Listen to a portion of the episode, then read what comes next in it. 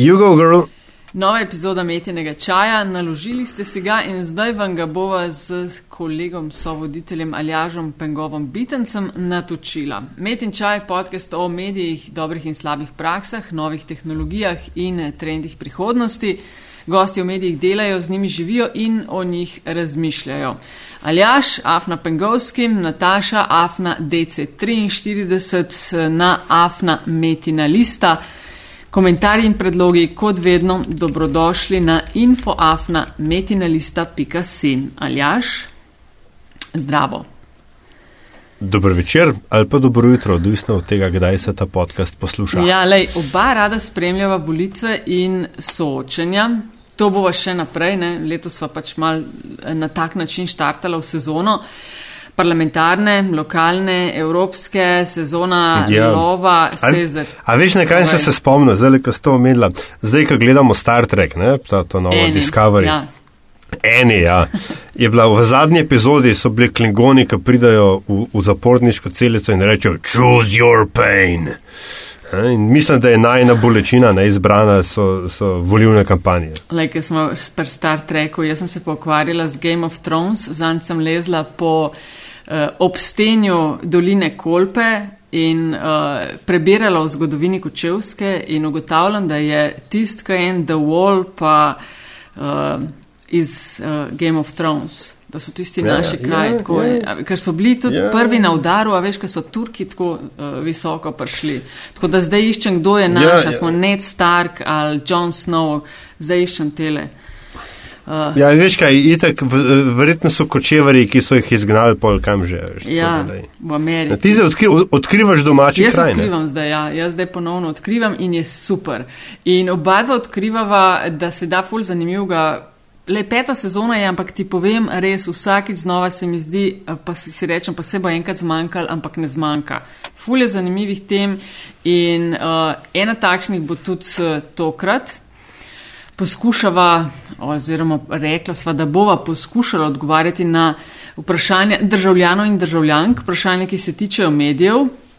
Uh, in uh, ta epizoda se nama tudi terminsko, vsaj izid, super izide. Upava pa, da bova z njo oziroma skupaj z gostom odgovorila na vprašanja, ki se tičejo volivnega molka. Ne? Kaj je res in kaj ni, kakšne so omejitve, za koga in kdaj, ker se mi zdi, aljaš, da uh, je še vedno en kup nejasnosti okrog tega. Pa tako, da imamo enkrat eno epizodo na lagerju za te primere. Ja, ni na lagerju, ta gre direkt v žilo.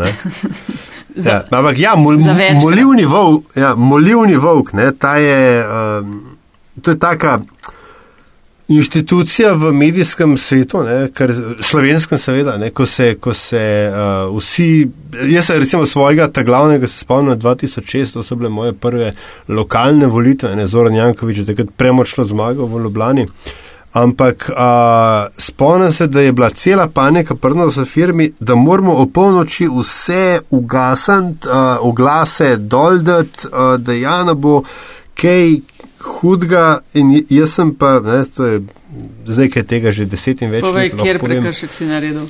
Ne, ne, ne, ni bilo nobenega prekrška. Pri tem, da sem šel pač kje nazaj v, v studio, to ven med, direkt z enega žura. Ne, ne vem, ne, ne, kako sem prišel na, na radio in kako sem prišel nazaj, ker sem bil na klanku Mamba, ker sem po enem mesecu tako rekoč brez spanja in pokrivanja te kampanje in rekel, da zdaj pa dost. Naj posem od tazga mačka, da sem imel še v soboto pa v nedelo in sem v nedelo zvečer, ko so bili rezultati, mene še vedno glava bolela. Ne? Ampak, veš, za tist volivni mok, ki je bilo treba pa vse ukin, pa ugasniti, je bilo pa tako, taka zavest, ne, taka orden kot disciplin, da sem se dejansko sred najhujšega žura odvlekel uh, v firmo to ukint, da ja ne bi prekršil kak, kakšnega zakona. Na to bo zdaj epizoda za vse, ki ne vejo, ne vemo, ali nam je karkoli nejasnega v zvezi s tem. Tako da uh, hvala, da ste si naložili epizodo, hvala za uh, vse vrste odzivov in hvala vsem, ki uh, lahko podprete delovanje Metine liste in nama uh, date kakšno oceno v Apple Podcasts oziroma v iTunesih. Zdaj pa začnemo, ne? Mhm. Gremo. Uh, Živijo zdravo, dr. Juri Toplak. Eh, lepo zdrav obema in lepo zdrav poslušalcem. Zdravo, strokovnjak za volivno pravo. Eh, ste se nam, nam zdela pravi naslov za poklicati, da razblinimo vse vrste dvomov, ki se porajajo okrog vprašanja volivnega molka. Uh, doktor Toplak na začetku vse goste vprašava enako, nekako, da se predstavijo, kaj počnejo v življenju, na kratko, kakšna je njihova povezava s temo, o kateri bomo uh, debatirali. Tako da vaša minuta. Hvala. Najprej ni treba doktor Toplak, lahko Jure. Uh, okay. uh, jaz sem profesor na pravni fakulteti, uh, drugače pa veliko časa posvetim Eh, svobodi izražanja, ker verjamem, da je eh, zelo pomembna pravica in eh, da je v Sloveniji pogosto omejena preveč. In ena od teh omejitev, ki smo jo imeli, je bila tudi ta, da nismo smeli razpravljati na dan volitev, pa na dan pred njim o kandidatih, nismo jih niti smeli omenjati. In ko sem pred osmimi leti začel govoriti, v javnosti tudi, da je volivni mok ena huda omejitev naše svobode in da je neustavna, sem bil nekaj zelo posebnega. Vsi so nasprotovali, tudi ostali pravniki so rekli, da sem čuden, da uh, volivni mok imajo posod po svetu. Uh, potem pa sem raziskoval in tudi, da ga imamo samo mi. Vsaj v tej obliki, da so ljudje bili kaznovani, kadar so omenjali kandidate, je Slovenija bila edina država, ki je imela tako strogo omejitev. Recimo leta 2009 je bil en časopis v Sloveniji uh, kaznovan, ker je samo nekdo v intervjuju omenjal levico in desnico na dan pred glasovanjem. In potem je, smo o tem dosti govorili in se je javno mnenje tudi začelo počasi uh, spreminjati, mediji so začeli uh, opozarjati, da je uh, volilni mok mogoče res neustaven in uh, lani je vrhovno sodišče uh, spremenilo ureditev, eh, tako da je zdaj. No, no, ja. gremo, gremo lepo po vrsti, pridemo do vsega tega. Demo za štart no. najprej, kaj se razume pod volivni mok. Uh, volivni mok sploh ni izraz, ki bi ga uporabljal zakon tam, kjer ima prepovedi. Ne? Zakon govori o prepovedi javne propagande.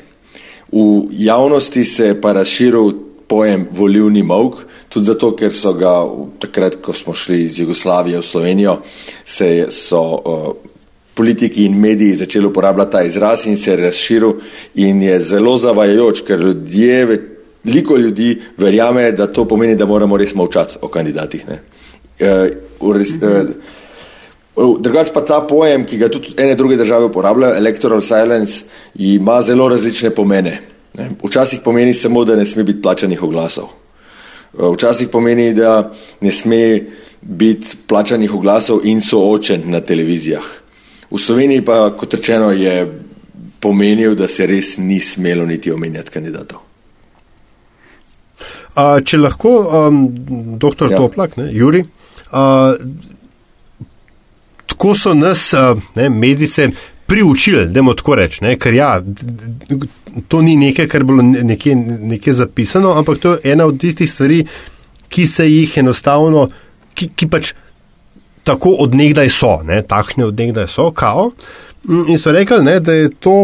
Ne bi, bil pač, ne bi bilo pač obdobje, kjer dajo tako mediji kot kandidati voljivcem mir, da, oni, da se oni v miru odločijo, da premislijo ne, in potem kao, mi pač v miru glasujejo prihodno nedeljo. Ne. Volivni mok ne bo v bistvu trajal več kot samo tisto soboto, ne. v bistvu trajajo do nedelje, do ja, konca do glasovanja.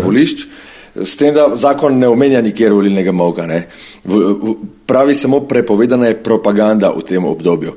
Zdaj pa je samo vprašanje, kako mi to razumemo. Ali to razumemo, da je propaganda vsakeč, ko nekdo omeni nekega kandidata, ali so propaganda oglasi. In uh, 25 let je, smo, uh, je inšpektorat uh, učil javnost, da uh, je propaganda in s tem prepovedano vsako omenjanje kandidatov, strank in celo tako smo bili ustrahovani, ne, da je inšpektorat celo posebno telefonsko linijo odprl, kjer naj bi se ljudje ovajali en drugega, če je nekdo dobil letak ali pa če je nekdo v gostilni slišal, da je kdo govoril uh, o kakšnih kandidatih, nekaj pozitivnega ali pa negativnega. Ja, to, to, je, to, to je bila ena od tistih, se pravičujem, no, ampak zato, da dajem neke vinjete zraven, ne, z, z, z našega medijskega vedika. To je bila ena od tistih stvari, ker v soboto, ne, v, v času, ne, v narekovajih volilnega moka, ni bilo ponovadi o čem poročati z vedika volitev in so zato, smo zato vsi ponavljali ja. to številko, ne, um, kate, pa zdaj pa. Vprašanje. Ja, in seveda, ne, pač zaznali so to, ki to kršite volilnega moka in te brezvezne statistike skozi dan poročali. Ampak moje dve vprašanje. A, kjer je inšpektorat, ker jih je v tej državi ne broj? A, in drugo, a, odkot sploh ideja ali pa koncept a, volilnega moka pri nas, ne, odkot je to prišlo? Čigava vem, ideja? Ja, kaj, ideja je na začetku bila smiselna, ne? je imela smisel in sicer, da se preprečijo konflikti. Ker takrat, ko smo imeli moče prve demokratične volitve leta 90, pa že predtem, to, to, to, idejo molka smo imeli, mislim, to smo imeli v zakonih od takrat, ko so se začele volitve uh, že tam v 80-ih letih. In ideja je, da se preprečijo konflikti, ker ljudje so takrat razgreti, uh, Eh, in v enih državah, oziroma na prehodu v demokracijo, to mogoče ima smisel, ne? ker uh, v, v, lahko pride do, uh, do hudih uh, fajtov med privrženci različnih strank. Ne? Uh, zdaj, ko smo pa že imamo demokracijo več kot 25 let, pa s, ni več potrebe po tej omejitvi. Recimo, omejitve so zelo različne od države do države. Recimo, manj razvite države v Afriki imajo še toliko hujše omejitve. Tam, morajo, uh, tam se ljudje sploh ne smejo zbirati na ulici na dan volitev v enih državah. Tam med shodi mora biti včasih na stotine kilometrov razlike vmes, zato da ne bi prišlo do, do, do spopadov med privrženci. Tako da v enih državah omejitve imajo smisel, uh, pri nas smo jo uvedli pred 25 leti in potem je ostala. In izvajal jo je pa, oziroma pač nadzoroval te kršitve, je pa inšpektor, uh, inšpektorat za? na Ministrstvu za notranje zadeve. Mhm. Okay, no, torej Slovenija je poznala eno najstrožjih ureditev na svetu, potem se je pa uh, zgodil primer Pelko. Ne, ja, zgodili so se tri primeri. Uh, ok, ja. no, dejmo o tem, kaj se je zgodilo, da je danes, to bo v bistvu ja. prve volitve, ko bo drugačne. Ja. Mislim, trije so se obrnili na mene, ki so bili kaznovani. In pri, vsi trije so na sodiščih potem uspeli. S tem, da prva dva sta uspela že na okrajnem sodišču, sodišče jima je ugodilo, ampak ne z razloga, da ima ta prav vsebinsko, ampak z nekimi takimi čudnimi uh, odločitvami. Recimo, eden, pre enem so rekli, da inšpektorat ni dokazal, da so na tisti dan bile volitve.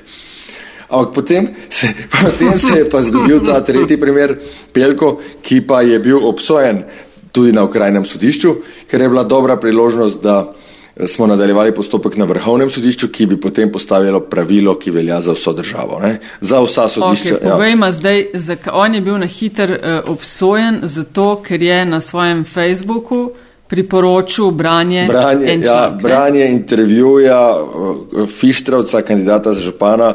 Intervju pa je bil objavljen en teden prej v mladini in je napisal odlično branje, odlič, odličen intervju, priporočam branje.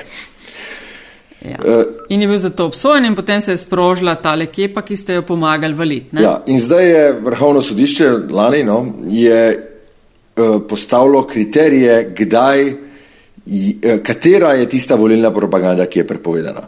Zakon je se pravi ostal isti, samo uh, definicija tega, kar je prepovedano, Aha. je nova. Interpretacija ja. je drugačna. Oziroma drugačna. Pravi, kaj se razume? Prva, ja. vrhovno sodišče sploh nikoli prej ni tega, eh, ni o tem vprašanju ja. odločalo. Tako da je nova za nas, ne? ampak eh, za vrhovno sodišče pa je to prva. Tako da očitno je vsa prejšnja bila zgrešena. Interpretacija. Okay. Kaj se razume, se pravi zdaj pod javna volilna propaganda? Ja, da, da gre za javno volilno propagando, mora biti izpolnjenih pet pogojev. Prvi je, da objava mora biti javna, se pravi namenjena, usmerjena širokemu krogu ljudi. Drugi pogoj je. Okay. A je Facebook javna objava? Uh, tega ne vemo, ne? ampak, z, z, oziroma če je, tako, če je zaprt, uh, tega ne vemo. Ne? ali je javna. Oziroma, če je zaprt, zaprt profil, potem sigurno ni javna, če je samo zaprt krok prijateljev. Ne? Če pa je uh, odprt profil, pa je vprašanje, glede na to, da kdorkoli je prišel prebrati objavo, si je sam je prišel na profil od tega, ki je napisal. Ne? Da, to, to ne vemo, to je tista meja, ki bi jaz rekel, ki še, okay, še, še ni. Ja, okay. Mal siva cona. Ali je zdaj javni profil na Facebooku jav, javen ali ni, uh, v smislu tega. Uh, Te, okay, ja. Se pravi, to je prvi ja. pogoj, javna objava. Ja. Drugo, mora biti prisotno vplivanje ali poskus vplivanja. Uh, to se pravi, če je nekdo samo razpravljal o, uh, ali pa povedal svoje mnenje, ne, uh, ne vemo, ali je to, oziroma mora biti poskus, da ti nekomu spremeniš mnenje. Če govoriš med svojimi somišljeniki, potem nisi nekako hotel vplivati na njih. Ne? Recimo, če se to pogovarjajo med seboj eni, ki so že pripadniki ene stranke ali pa enega kandidata. Ampak pomembnejši so te tretji, četrti, peti element. Mora biti načrtno oziroma sistematično ravnanje, to je tretji, in četrti, Objava mora biti ponovljena večkrat ali pa del širšega sistematičnega sklopa objav. To pomeni, komentiranje pod članki niso, uh, niso objava ponovljena večkrat ali del širšega sistematičnega sklopa. Tu, so, tu je mišljeno širši sistematični sklop objav, predvsem recimo velika količina nekih oglasov. Ne? Uh, peti pogoj pa je, da namen objave ni polemični, strokovni, poljudni uh, in podobno, ampak izključno propagandni. Torej, novinarski članki so dovoljeni, ne? ker no, namen novinarskih člankov ni izključno propagandni. Načeloma naj sploh ne bi bil, ja, recimo. Ja, no? ja. Zato vse, kar ni izključno propagandni namen, torej ni, uh, je dovoljeno. Nekaj, nekaj časa je veljalo, ne, oziroma veljalo um, ena od uh, interpretacij ne, tega molivnega volka, kot smo mu takrat rekli, uh, je bila, da se določila o prepovedi to vrstnih aktivnosti nanašajo zgolj na organizatore kampanje, ali pa po kampanj raznih kandidatov. A je to kakršni koli opreki s tem, kar je bilo zdaj povedano, ali to sploh drži, ali kako je to? To sta dve različne prepovedi. Ne? Ena prepoveduje uh -huh. kampanjo, druga pa javno volilno propagando. In ta za javno volilno propagando je širša, ta se nanaša tudi na druge ljudi. Torej, tudi recimo vidva ne? Ali pa jaz ne smemo izvajati javne volilne propagande. Tiste kampanje tako tako ne izvajamo. Ampak javno volilno propagando, recimo, da bi, če bi neko, mi, dva, neko, mi neko para, paralelno svojo propagando izvajali, kar je čist dovoljeno, ampak v teh dveh dneh pa ne bi smeli. Ne?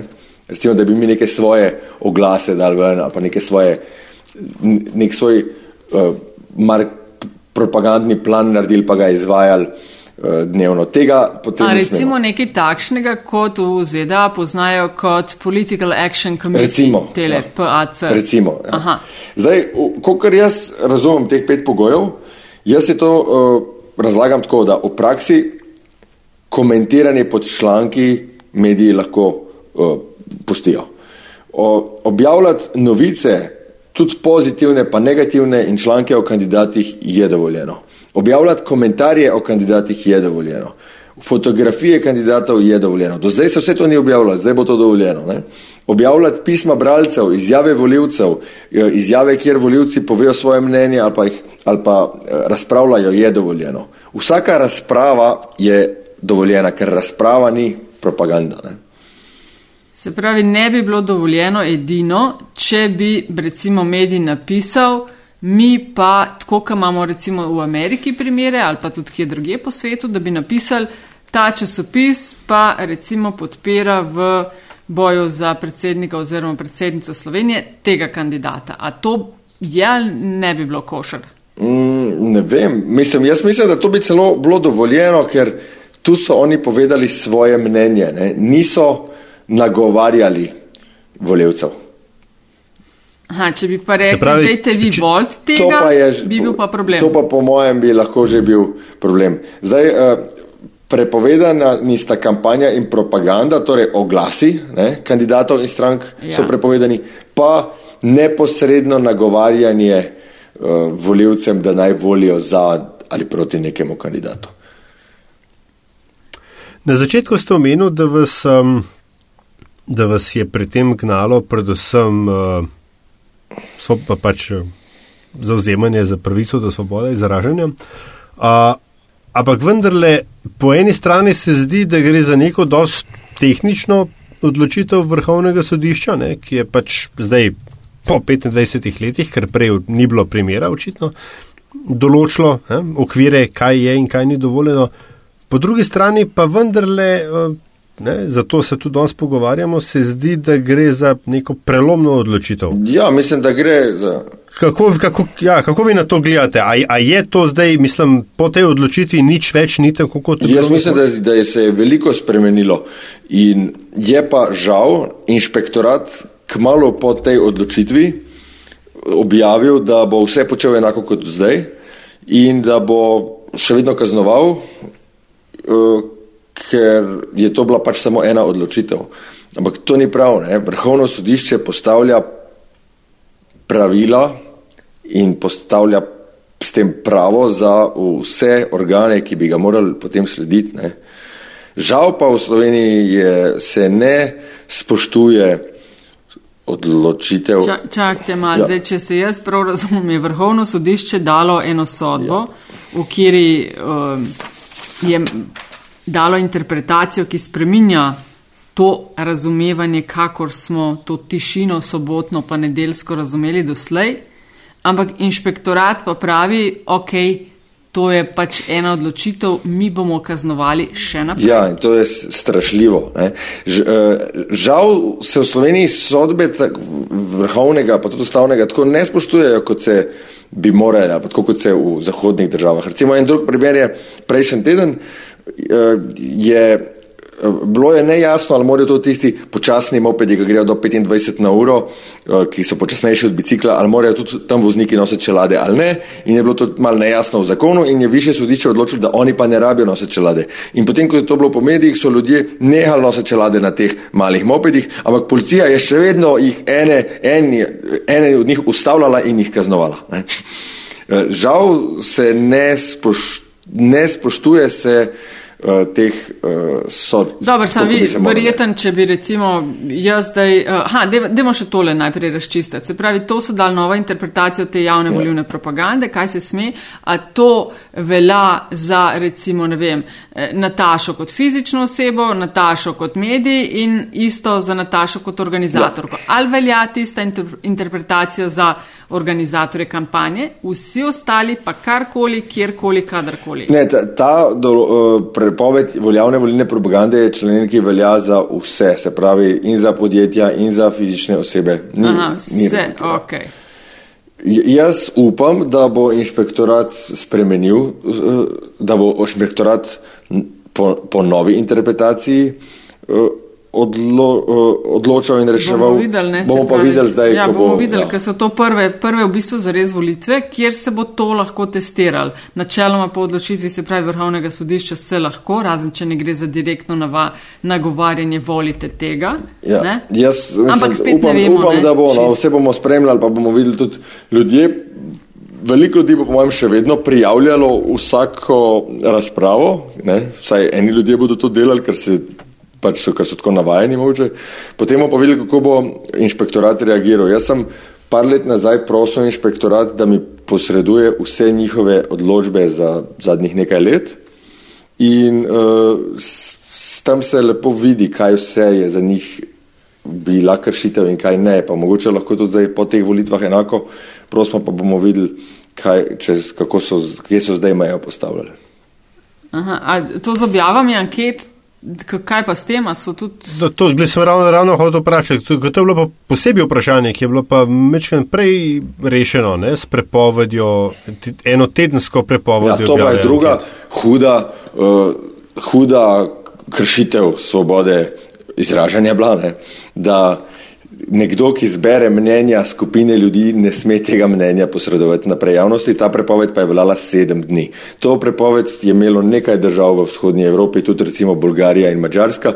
In Najprej je, sta Bolgarija in Mačarska odpravili to prepoved, ustavno sodišče pa njih odločilo, da je to kršitev svobode izražanja, potem pa je tudi v Sloveniji časopis Dnevnik sprožil spor pred ustavnim sodiščem in tudi v Sloveniji je ustavno sodišče odločilo potem tako, da je to kršitev svobode izražanja in da je, da je zdaj dovoljeno objavljati rezultate anket do petka zvečer do 24. ure.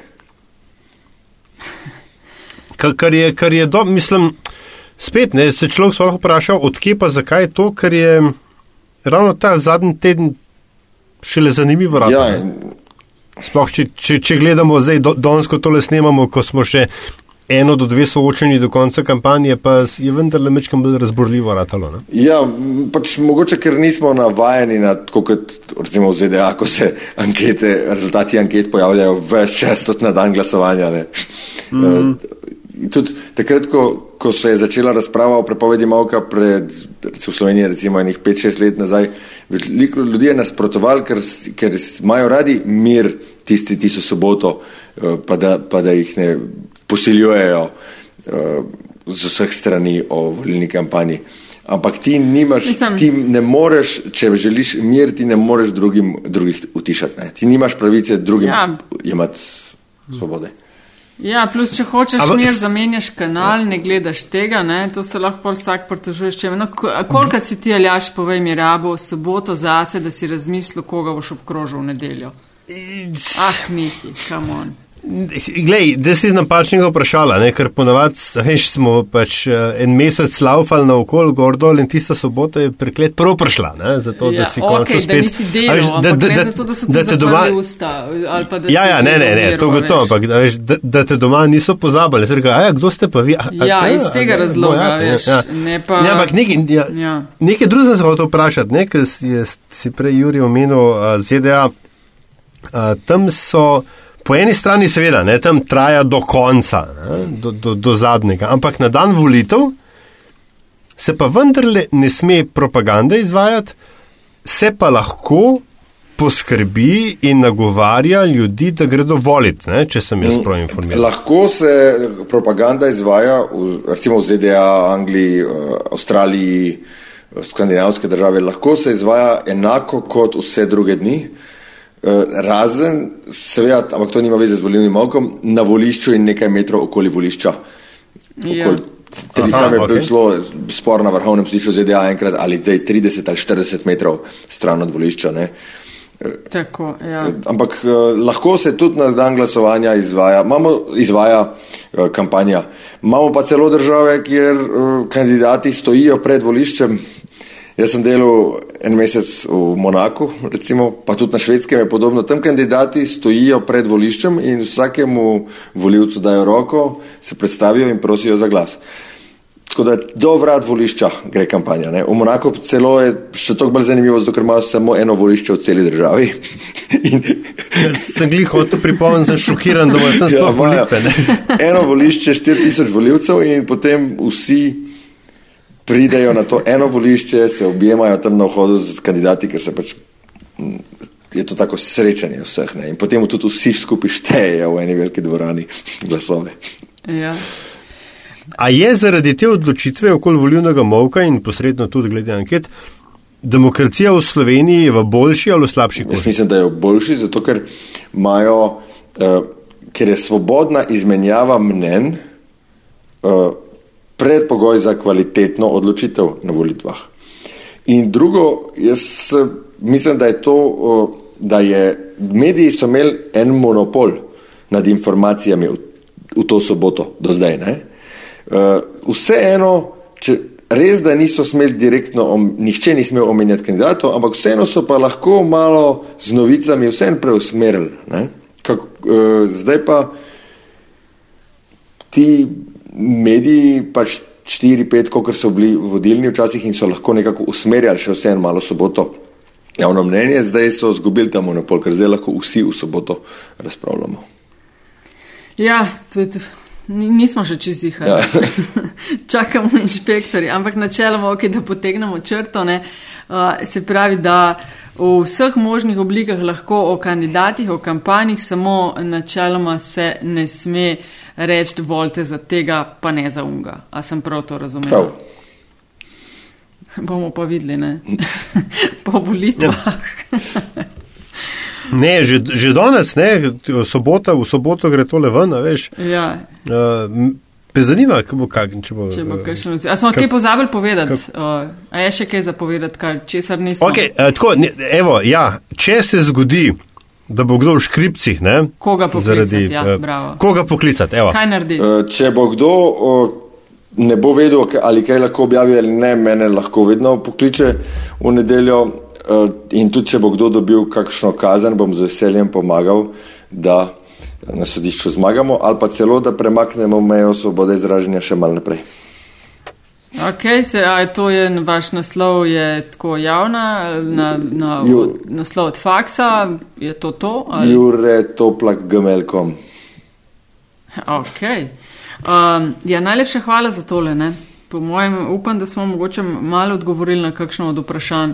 Hvala vam. Kaj se sme in kaj ne, ker nas je na družbenih omrežjih nas je krtiščala, ne, aljaš, prejšnja leta. Ma ja, pa, pa se je bilo, ja? pa, pa, pa smo imeli, ja, mal je, pa mal ne, pa, pa smo se sami sebi zelo fini zdeli, ker smo meje premikali, ker smo govorili v uh, nekih parabolah, ne, pa tako.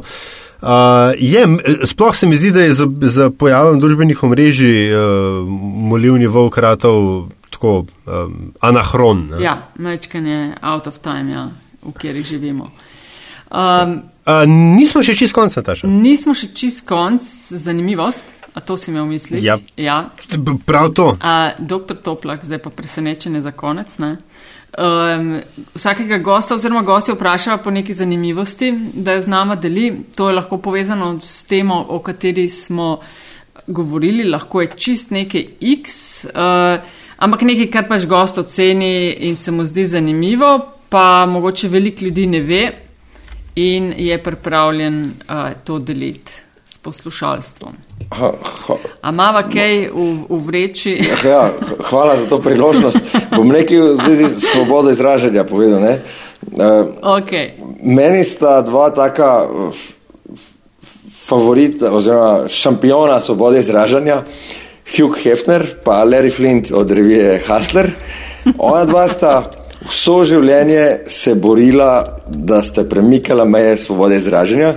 In jaz vedno, vsako leto študentom posvetim dve, tri ure predavanja o njiju in o njihovih kajsih na sodišču.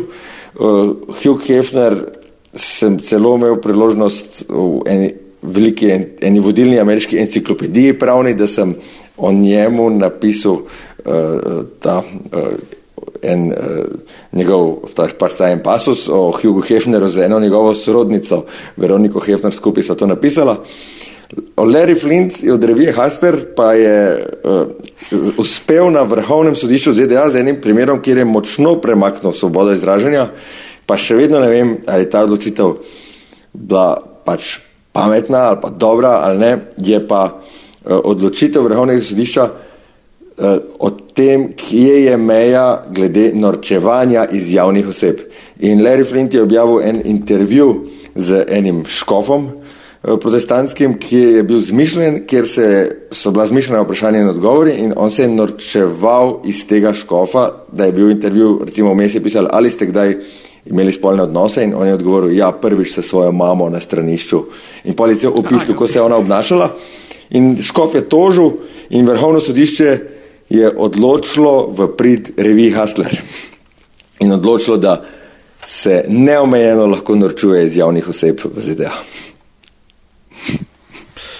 Larry Flint uh, je, uh, on je na vozičku prestal, ne? Tudi zaradi uh, svoje, svojega boja za svobodo izražanja.